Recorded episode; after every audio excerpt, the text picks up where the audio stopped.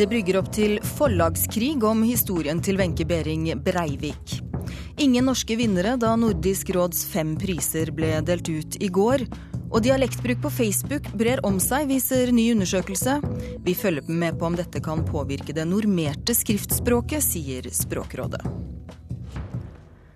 Og vinneren av publikumsprisen under Bergen internasjonale filmfestival går inn i tradisjonen med å dokumentere miljøer som holder på å bli borte, sier vår filmanmelder.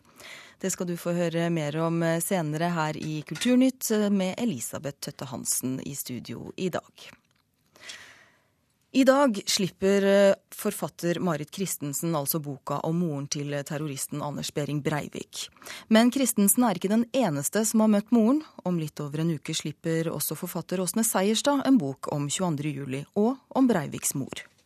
Det er noen som kanskje tror at dette er en vanlig biografi, der jeg later som om jeg er Wenche Behring Breivik og forteller historien hennes. Jeg kan fortelle dere at dette ikke er en helt vanlig biografi. Det er ikke hennes historie, er historien min. Boka til Marit Christensen har fått sterk kritikk allerede før den ble utgitt. Men også på utgivelsesdagen kritiseres Christensen. For det er to forfattere som skriver historia om Wenche Behring Breivik. En og en halv uke etter Christensens 'Moren slippes', vil Seierstad slippe boka 'En av oss'. De har begge møtt Breiviks mor før hun døde 14.3 i år. I dag skriver VG at Kagge Forlag, som gir ut Seierstads bok, forlanger en beklagelse av Christensen fordi hun skriver om Seierstads møte med mora.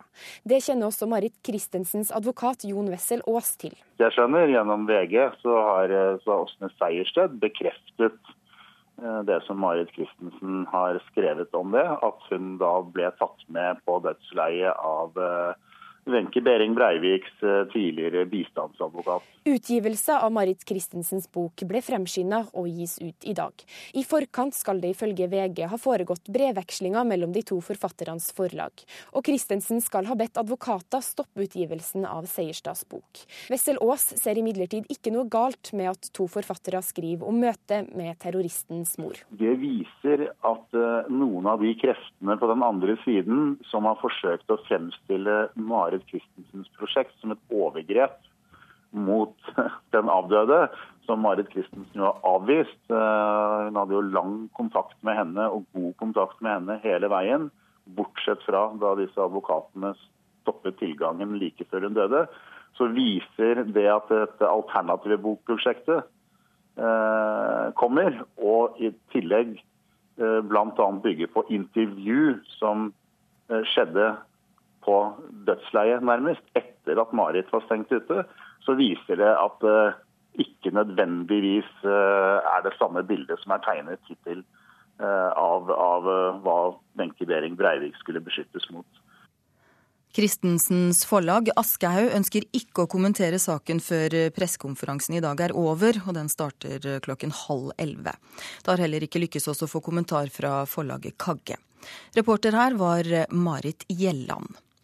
Og Agnes Moxnes, kulturkommentator i NRK. Er det en forlagskrig vi, vi nå ser? Ja, Det er iallfall sterke ord som brukes, og det har jo vært denne saken har jo allerede pågått lenge, om spørsmålet om hvem som har hatt tilgang til Wenche Behring Breivik, og på hvilken måte, og om det har vært et samtykke, og når det ble brutt. Sånn at det er på et vis er det en, en forlagskrig, men det bunner jo selvfølgelig i en, et, en stor interesse for Wenche Behring Breiviks historie. Den er kommet ut en del av den gjennom rettssaken som pågikk, og, og dokumentene derfra. Men det er jo en historie som ikke er fortalt i den, sin fulle bredde. Sånn at den som kan, som kommer med den først, eh, og på sikt også gjør det best. Det er jo klart at det er et, et forlag har stor interesse av å ha en slik bok i sin portefølje. Det fremstår jo nå som det er rimelig stor uenighet. Altså, Risikerer man at dette blir juridisk mat? Ja, så det, det, er jo nå Det helt konkrete som har dukket opp i dag, er jo da at Kagge forlag reagerer på det Marit Christensen skriver om Åsne Seierstads besøk hos Wenche Behring Breivik, og hva som ble sagt der.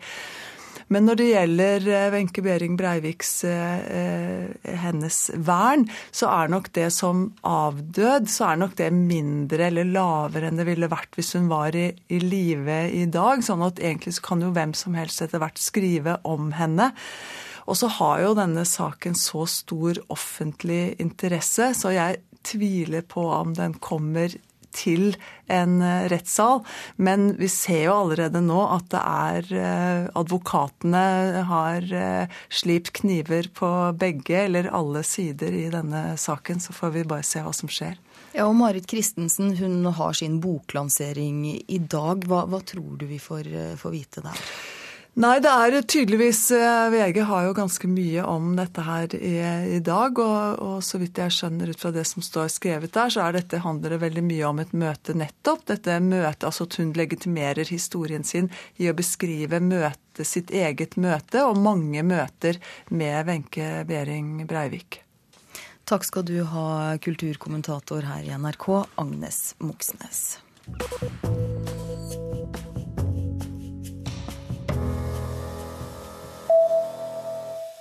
Skuespilleren Claire Danes skal lede Nobelkonserten i Oslo Spektrum 11.12. Det melder Det norske Nobelinstitutt.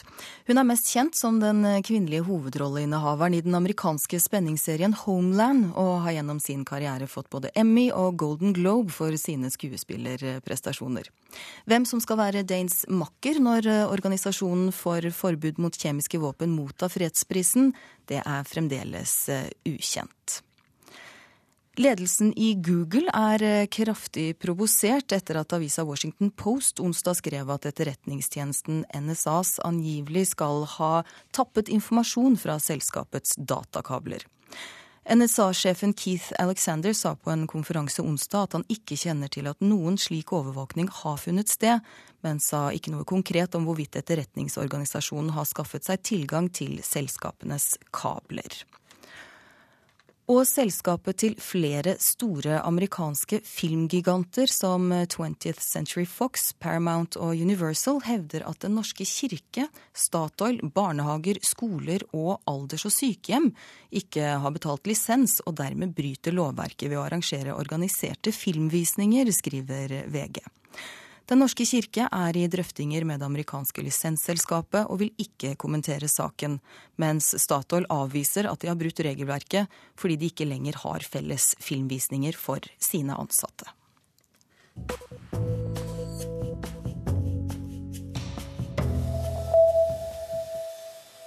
Mange av oss bruker dialekt på Facebook, viser en ny undersøkelse. Og Språkrådet de følger nøye med på om dette kan påvirke normert skriftspråk.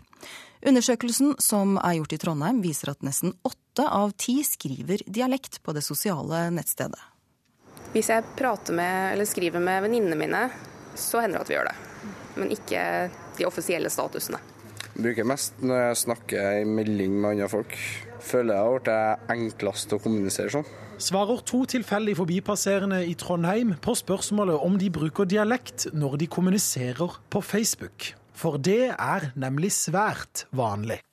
Eh, den nye undersøkelsen min om bruken av språk på Facebook viser at hele 77% sender meldinger på dialekten sin sier Berit Skog, førsteamanuensis ved Institutt for sosiologi og statsvitenskap ved NTNU. Hun har nylig gjennomført en undersøkelse i Trondheim blant dem mellom 9 og 36 år, der nesten åtte av ti svarer at de bruker dialekt på Facebook. Eh, dialekt eh, signaliserer identitet og også stedstilhørighet. Ellers er jo dialekt veldig OK i forhold til å kommunisere med venner og kjæreste. Fordi at det underbygger et vi-forhold. Det skaper en slags eh, samhørighet. Eh, vi følger rett og slett eh, med så godt vi kan på hvordan språkbruken utvikler seg i sosiale medier. Sier Arnfinn Muruvik Vonen og er direktør i Språkrådet. Språkrådet følger nøye med på om dialektbruk kan påvirke det normerte skriftspråket. Ja, altså Vi er årvåken på det. Vi ser jo at det er en, en mulighet for at noe sånt kan skje. Men siden man enda ikke vet hvilke konsekvenser dialektbruk i sosiale medier har, er Språkrådet positive til at ungdom bruker skriftspråk mer enn før, også på dialekt. Vi tror at uh, sosiale medier har gjort det mulig for folk å bruke skriftspråk mye mer enn de gjorde før, generelt. Og det syns vi er en så positiv utvikling at uh, det er viktigere enn den uh, eventuelle frykten man kan ha.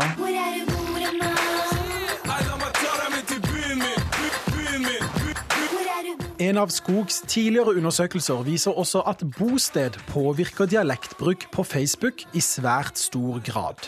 I Trondheim bruker 77% dialekt, mens i Oslo bruker kun 18% dialekten sin. Altså at de som bor i dialektnære områder, også skriver på dialekt. Skog erfarer at ungdom klarer å skille mellom skriftspråk på sosiale medier og et formelt skriftspråk.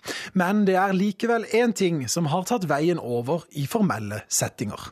En ser jo ofte det at en mottar offisielle e-poster med signatur og navnet til avsender tilføyd en smiley.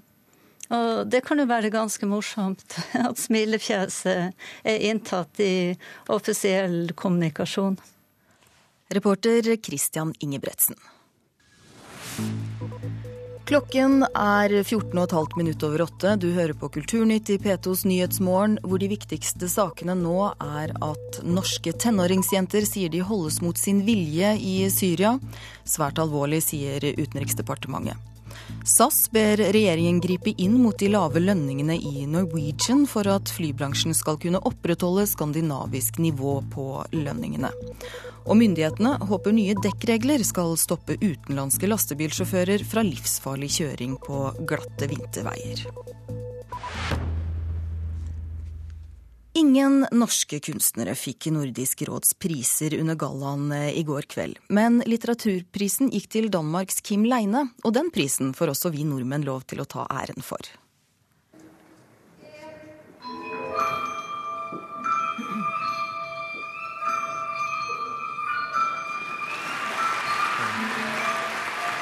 Det var rød løper og lange kjoler i Operaen i Oslo i går.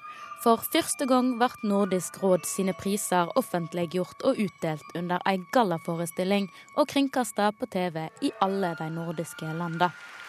Og vinningshaven er Og vinneren er Og vinneren er Ingen fra Norge. Nordisk råd sin aller første barne- og ungdomslitteraturpris gikk til Finland. Seita Vuorela og Jani Ikonen. Det samme gjorde Musikkprisen. Den danske filmen 'Jakten' fikk filmprisen. Og med det er regissør Thomas Winterberg, som ikke var til stede under utdelinga, den første som har fått Nordisk råds pris to ganger. Ingen selvgået herop. Ingen har tvunget henne til det. Også den gjeveste av prisene, litteraturprisen, gikk til Danmark og Kim Leine for romanen 'Profetene i evighetsfjorden'. Hun har banket lusen ut av sine fineste klær og iført seg den.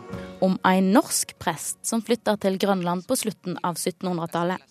Og skuffa nordmenn er mer enn velkomne til å ta litt av æra for prisen. Absolutt.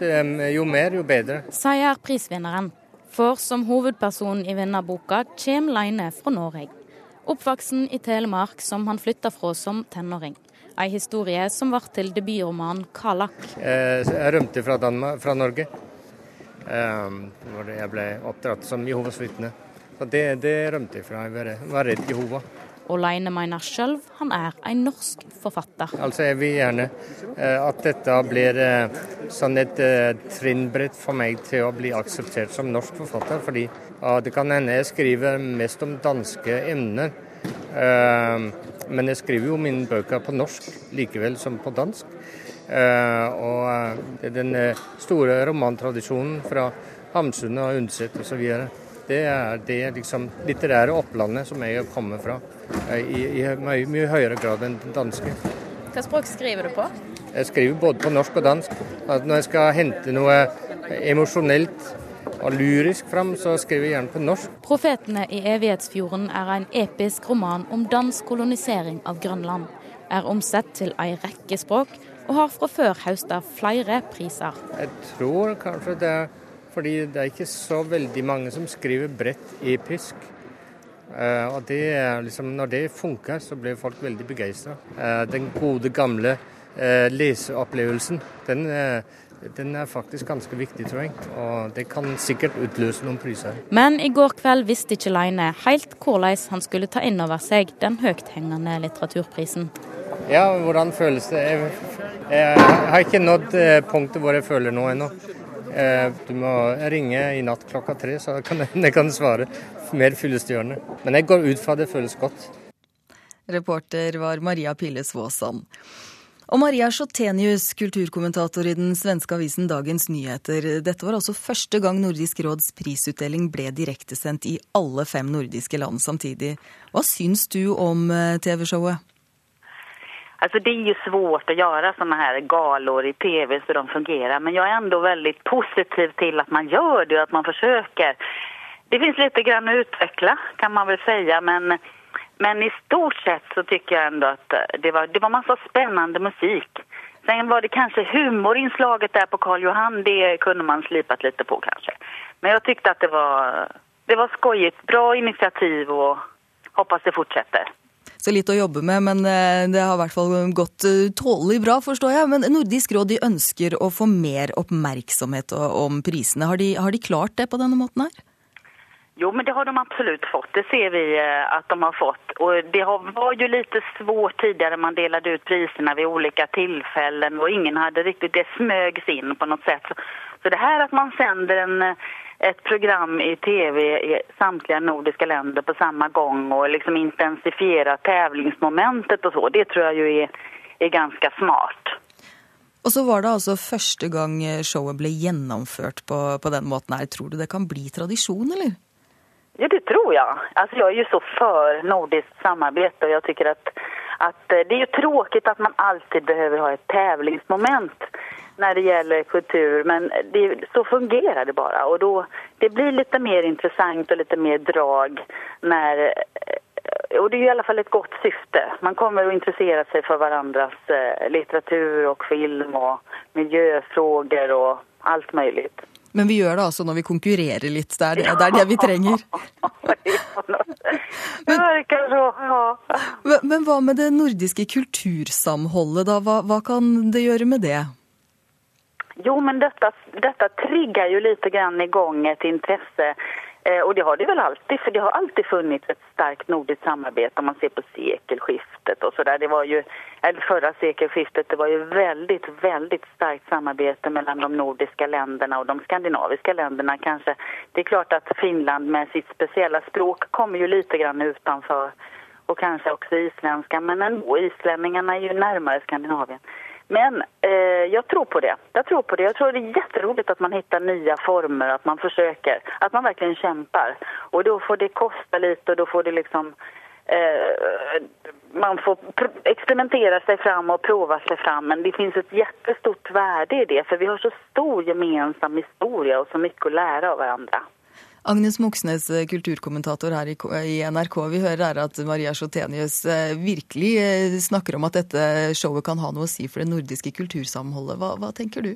Ja, men Det er jeg helt enig med Maria Sjotenius i, at vi sitter der og ser dette programmet samtidig. samtidig og jeg fulgte litt med på sosiale medier i går også, og da ser man jo at det kommer inn reaksjoner fra de ulike nordiske landene. Vi sitter og deler denne opplevelsen. Så Eh, så det blir spennende å se hva de nå gjør neste år. Neste år er jo Nordisk råd i, eh, i Sverige, så det er liksom svenskene som må ta opp tråden og, og liksom se om de skal fortsette å utvikle et uh, slikt TV-show eller ikke.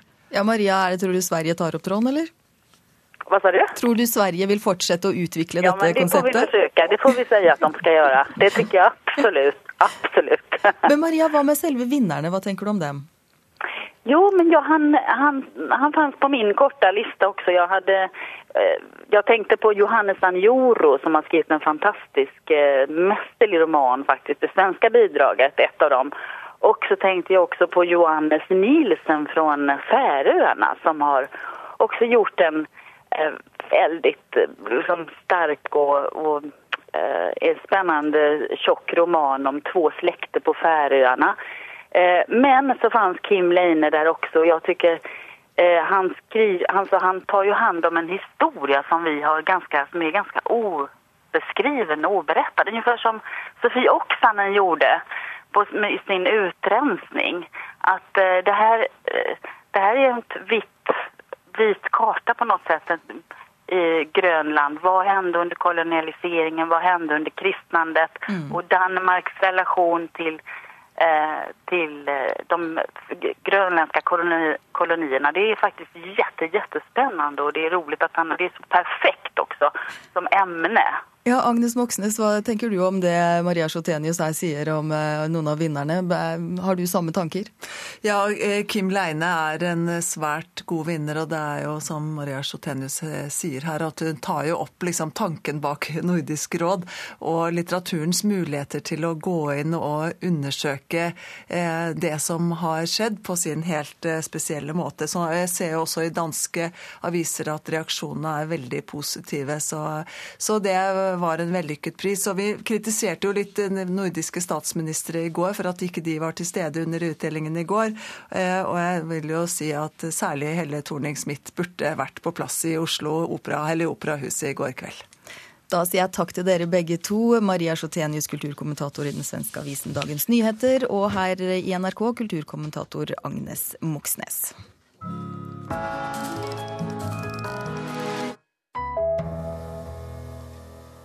Bergen internasjonale filmfestival ble avsluttet i går, og publikumsprisen gikk til filmen 'Søsken til evig tid'. Dette er en film som verdig går inn i tradisjonen med å dokumentere miljøer som er i ferd med å forsvinne, slik Amanda-vinneren Folk ved fjorden gjorde, sier vår anmelder Mikael Olsen Lerøen. Jeg var vi på Jamni marpoteter før. I 1960. Og det var så mye poteter i 1960. I 65 år hadde vi noe mye. Dette er en dokumentar signert debutanten Frode Fimland. Jeg sier debutant, men det er han kun som kinofilmregissør. For Fimland har arbeidet i TV-mediet siden 1986. Og med filmen 'Søsken til evig tid' så følger han søskenparet Magnar og Odny Kleiva. De driver familiegården Kleiva og har bodd der hele sitt liv. Hvis det er godt så er det som regel vært en milde vinter. I én scene sitter over 70 år gamle Magnar i styrehuset på traktoren sin, med Massey Ferguson-cap, grønn kjeledress og en hel bjørk slepende etter i kjetting. Den har han hogget, kvistet, og snart skal han kappe den i passende størrelser for tørking. Magnar gjør ting du og jeg aldri hadde klart, og han er nesten dobbelt så gammel som meg. Det var voldsomt svært å delta i arbeidet være med på det meste. I en annen scene sitter han kroket på en kjøkkenstol, mens søsteren Odny kverner kjøtt fra en gris som henger hel i en krok fra garasjetaket. Så presser hun det hele inn i hvitt, gjennomsiktig pølseskinn. Magna prøver å forstå hvorfor folk kjøper ferdiglagede pølser, når alle vet at de er fulle av E-stoffer. Vi vet at det ikke er bra, men likevel spiser vi de, slår han lett uforstående fast. Det er verst, det. Det er verst, det. 'Søsken til evig tid' er en dokumentar som henger på slep, er til stede, men som aldri gjør seg sjøl gjeldende. Her er det ingen forklarende voiceover eller andre virkemidler for å fylle hull i observasjonene. Filmen stoler på at vi meddikter, der filmen viser bruddstykker av livet til søskenparet gjennom et år på Kleiva. Filmen stoler på at vi setter det sammen til en helhet. Og rytmen i filmen gir oss tiden som trengs til å gjøre dette. Det faller en ro over filmen, smittet av roen til hovedpersonene. En ro de har, om vi skal tro filmen, ved alltid å arbeide. Alltid å være i og med naturen og alltid å være i kontakt med dyrene sine.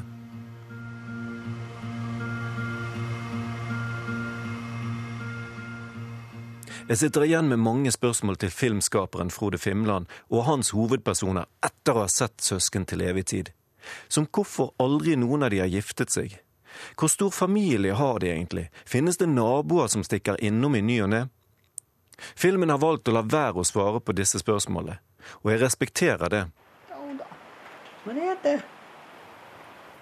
Noe av livet til Magnar og Odny kan mildt sagt virke fremmed på oss som tvitrer og forteller verden via Facebook om hvor og hva og hvem vi er, men filmen er alltid på søskenparets side. Den fremstiller verden deres som det naturlige. Magnars milde stikk til de som liker TV, svir kanskje ekstra hardt på den måten. Som han sier, dersom du synes TV er spennende, så får du kanskje ikke gjort så mye annet. Magnar får gjort mye annet, og i filmen 'Søsken til evig tid' så får du være med. Og det var Mikael Olsen Lerøen som anmeldte 'Søsken til evig tid'. Og i Mørkets opplevelser senere i dag så får du møte regissøren bak filmen, i tillegg til å høre om biografifilmen om Steve Jobs er verdt tiden din. Og til slutt så tar vi også med en eh, liten melding, for Riksantikvaren vil undersøke om Trondheim kommune kan gjennomføre den planlagte rivingen av tre bygårder. Politikerne ønsker å utvide hovedfartsåren inn til sentrum, og bygningene står i veien. Flere kunstnere har protestert mot rivingen ved å lage en utstilling der. Det var Kulturnytt for denne gang. Vi har bl.a. hørt at det brygger opp til forlagskrig om historien til Wenche Behring Breivik. Produsent Vidar Skjem, tekniker Lars Tronsmoen, programleder Elisabeth Tøtte Hansen.